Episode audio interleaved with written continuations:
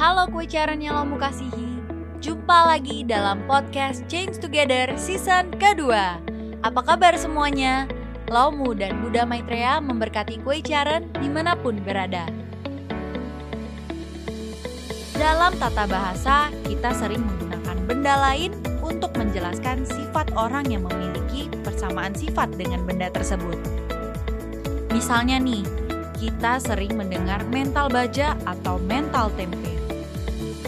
Nah, terkait dunia permentalan, ada satu lagi nih, namanya mental salmon. Udah pada tahu belum nih kue Sharon? Yuk kita cari tahu.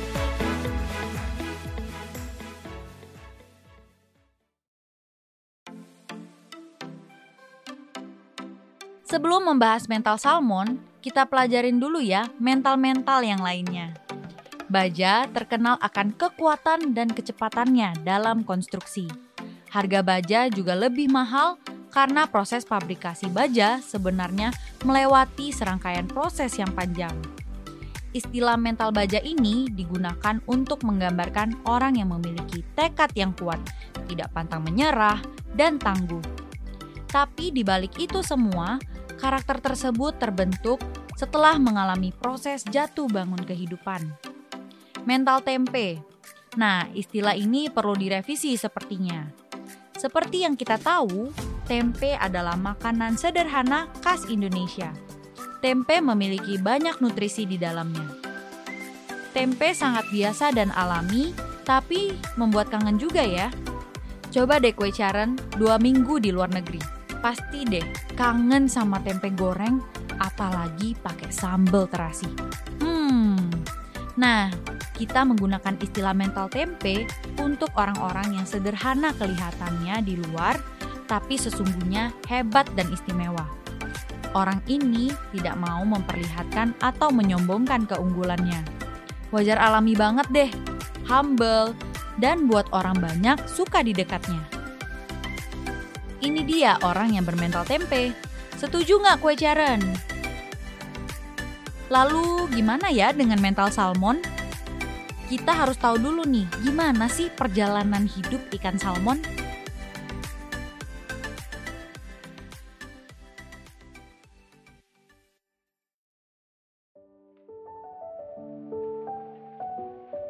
Ikan salmon banyak ditemukan di Samudra Atlantik dan Samudra Pasifik. Tapi, tahu nggak kue Caren? Kalau ikan salmon sebenarnya berasal dari air tawar. Iya, ikan salmon lahir di sungai. Setelah berumur beberapa bulan, ikan salmon melakukan perjalanan menuju laut. Di lautan, salmon hidup selama 3-5 tahun dengan makan udang dan ikan-ikan yang lebih kecil. Setelah dewasa dan waktunya bertelur, kawanan salmon akan bermigrasi kembali ke sungai tempat ia dilahirkan untuk bertelur dan meneruskan kelanjutan spesiesnya. Pertanyaannya, dari mana sih ikan salmon masih tahu tempat lahirnya? Kan sungai jauh banget tuh ke laut. Sungai juga banyak sekali di dunia ini. Kok bisa ya salmon kembali lagi ke sungai tempat ia dilahirkan? Inilah misteri kue. Para ahli meneliti, tapi hanya dapat menemukan dugaannya saja. Ada beberapa pendapat yang berusaha untuk menjawab pertanyaan ini. Pendapat yang pertama mengatakan ikan salmon bisa mengetahui tempat lahirnya dari indera penciumannya. Katanya nih, ikan salmon bisa mencium bau air sungai tempat mereka dulu dilahirkan dan menghabiskan masa kecilnya. Pendapat kedua, ikan salmon mempunyai memori dari muara tempat ia memasuki lautan dari sungai. Pendapat ketiga, ikan salmon memiliki kemampuan untuk mengetahui medan magnet bumi, ketinggian, dan jarak sehingga ia tahu asal sungai kelahirannya. Oke, apa pun latar belakang penyebabnya, sepanjang sejarah ikan salmon telah menempuh perjalanan lebih dari 1000 km dari laut ke sungai dan bisa sampai 3000 km loh kue Sharon. Ini sungguh perjalanan yang tidak mudah. Kenapa tidak mudah? Kan dia ikan, tinggal berenang aja. Semua ikan juga gitu berenang. Karena nomor satu, perjalanannya adalah perjalanan melawan arus. Coba aja deh kue caran berenang dalam kolam arus dan melawan arus. Setengah hidup nggak tuh kue caran? Hehehe, apalagi perjalanan salmon yang ribuan kilometer. Semua perairan kan bermuara ke lautan. Jadi dalam hal ini, arah arusnya dari sungai menuju ke lautan.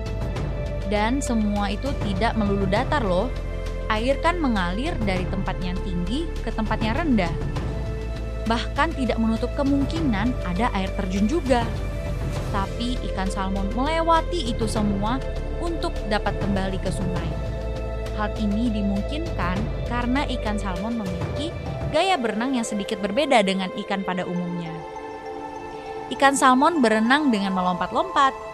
Nah, dari cara berenangnya itulah ikan salmon mendapatkan nama salmon yang berasal dari kata salmo, dan salmo yang berasal dari kata salira yang berarti melompat.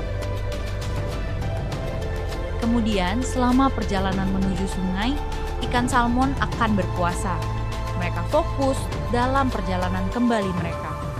Ketika sampai ke sungai, ikan-ikan salmon sangat lelah tapi bahagia. Salmon betina langsung mencari tempat untuk sarang telurnya. Ia mengibas-ngibaskan ekor untuk membuat lubang di dasar sungai. Di sanalah ia meletakkan ribuan telurnya dan juga merupakan peristirahatan terakhirnya. Tongkat estafet kehidupan salmon dilanjutkan oleh telur-telurnya tadi.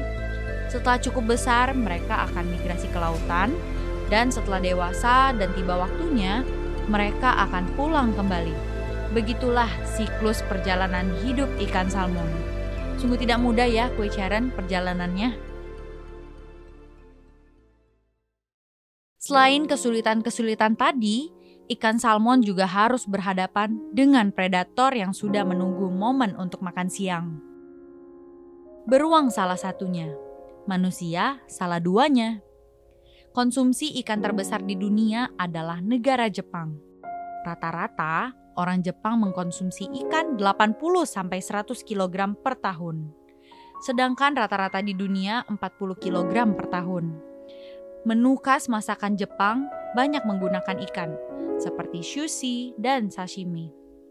Awalnya Jepang tidak menggunakan salmon dalam masakannya.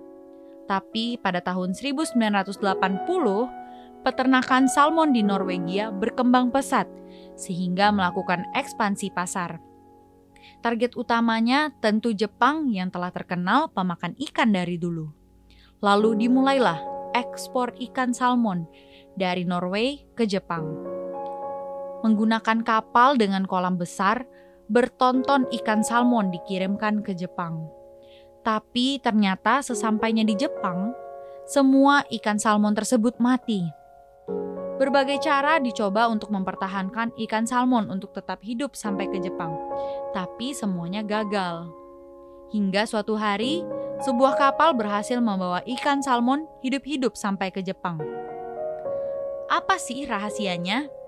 Ternyata karena di dalam kolam tersebut ada seekor anak hiu, sehingga ikan-ikan salmon merasa nyawa mereka terancam. Secara insting mereka berusaha untuk survive dan selalu waspada. Mereka terus bergerak aktif menghindari ikan hiu. Hal ini yang membuat siklus oksigen dalam tubuh mereka lancar dan mereka tetap hidup dalam kolam tersebut. Tapi meskipun begitu, mereka berakhir di meja piring manusia. Hah, sedihnya. Mereka tidak memiliki kesempatan untuk pulang ke rumah, ke sungai tempat mereka dilahirkan. Karena tertangkap jaring manusia untuk memuaskan lidah yang cuma 8 sentian panjangnya.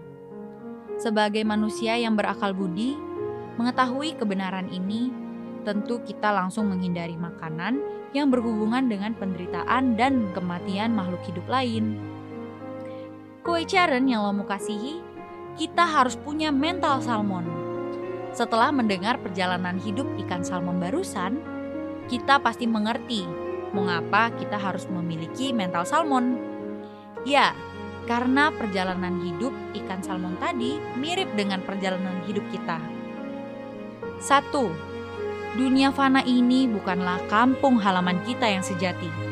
Dunia adalah tempat kita dewasa dan membina sehingga kita bisa membantu misi Buddha Maitreya. Dan ketika tiba waktunya, kita pulang kembali ke kampung halaman kita yang sebenarnya. Kedua, perjalanan pulang kita sama seperti ikan salmon.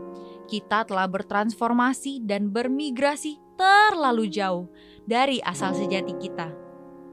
Perjalanan ini tidak akan mudah. Kita harus melewati arus zaman. Di saat orang-orang mencari materi di luar diri, kita harus kembali berpaling ke dalam, melihat diri yang wajar alami, sejati, bajik, dan indah. Lalu, kita juga harus melompati derasnya air terjun keakuan, kesombongan, kebodohan, kebencian, keserakahan, dan masih banyak lagi air terjun yang harus kita lompati semuanya. Karena itu, kita harus pakai cara yang berbeda, Kue Sharon. Seperti ikan salmon yang mempunyai gaya renang yang berbeda. Nah, Buddha Maitreya sudah mengajarkannya kepada kita. Apa itu? Hmm, secara teori pasti Kue Sharon sudah tahu nih. Ya, betul Kue Sharon. Caranya yaitu dengan berdoa, sujud, bertobat, menginsyafi kebenaran, melakukan tugas suci, dan beramal kebajikan. Tinggal prakteknya nih kue Sharon. Hehehe. Ketiga, sifat asaliah. Apa yang kita cari di dunia ini? Apa yang menjadi tujuan akhir kita?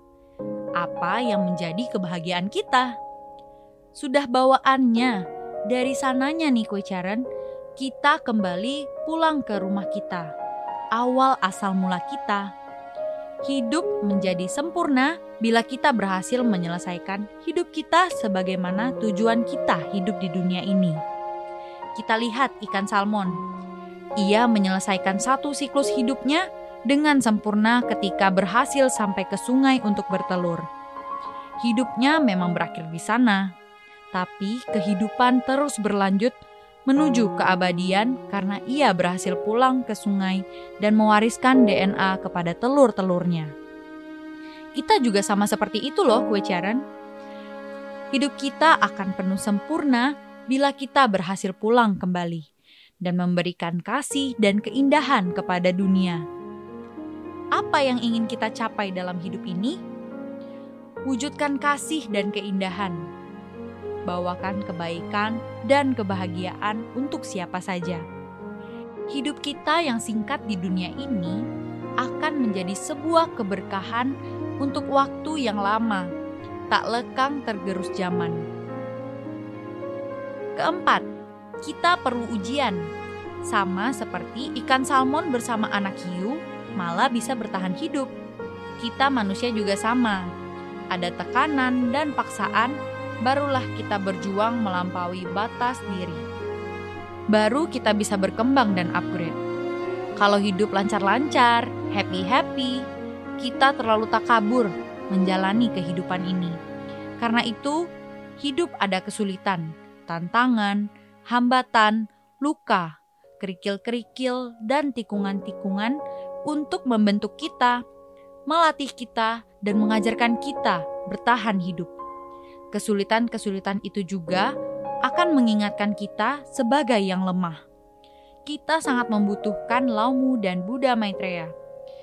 Akan mengingatkan kita untuk selalu rendah hati, untuk menghormati orang lain, untuk menjalani hidup kita lebih baik dari hari ke hari. Tentu kesulitan-kesulitan tersebut tidak lepas dari karma kita sendiri. Tapi ini kan juga berarti adalah kesempatan kita untuk menyicil lunas karma kita. Nah, ternyata kesulitan hidup banyak manfaatnya ya, kue Sharon. Eits, tunggu dulu. Ada yang harus digarisbawahi nih kue Sharon. Kesulitan hidup banyak manfaatnya kalau kita sukses melewatinya. Kalau kita gagal gimana? Kita akan jatuh terpuruk. Bagaimana caranya kita sukses melewati kesulitan kehidupan Sebelum dia datang, kita sudah harus mempersiapkan diri dengan baik. Jangan cari jok sembayang ketika sulit saja. Setiap hari kita apelin jok sembayang. Setiap waktu ingat kasih laumu.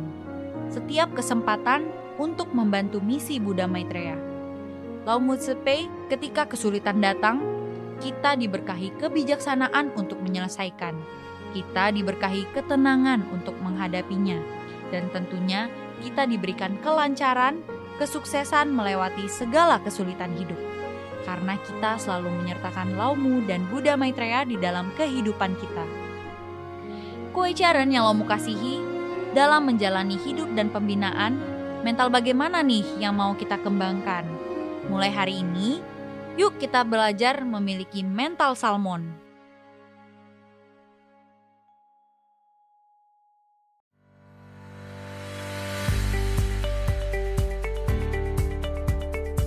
Kowe Charan, let's change together for a world full of hope. Lau Mu Tsepei, Milofo Tsepei memberkati Kowe Charan dengan kesehatan, kebahagiaan, dan kesuksesan. Laumu dan Buddha Maitreya memberkati Charen semua. Sampai jumpa di podcast Change Together selanjutnya. Bye-bye!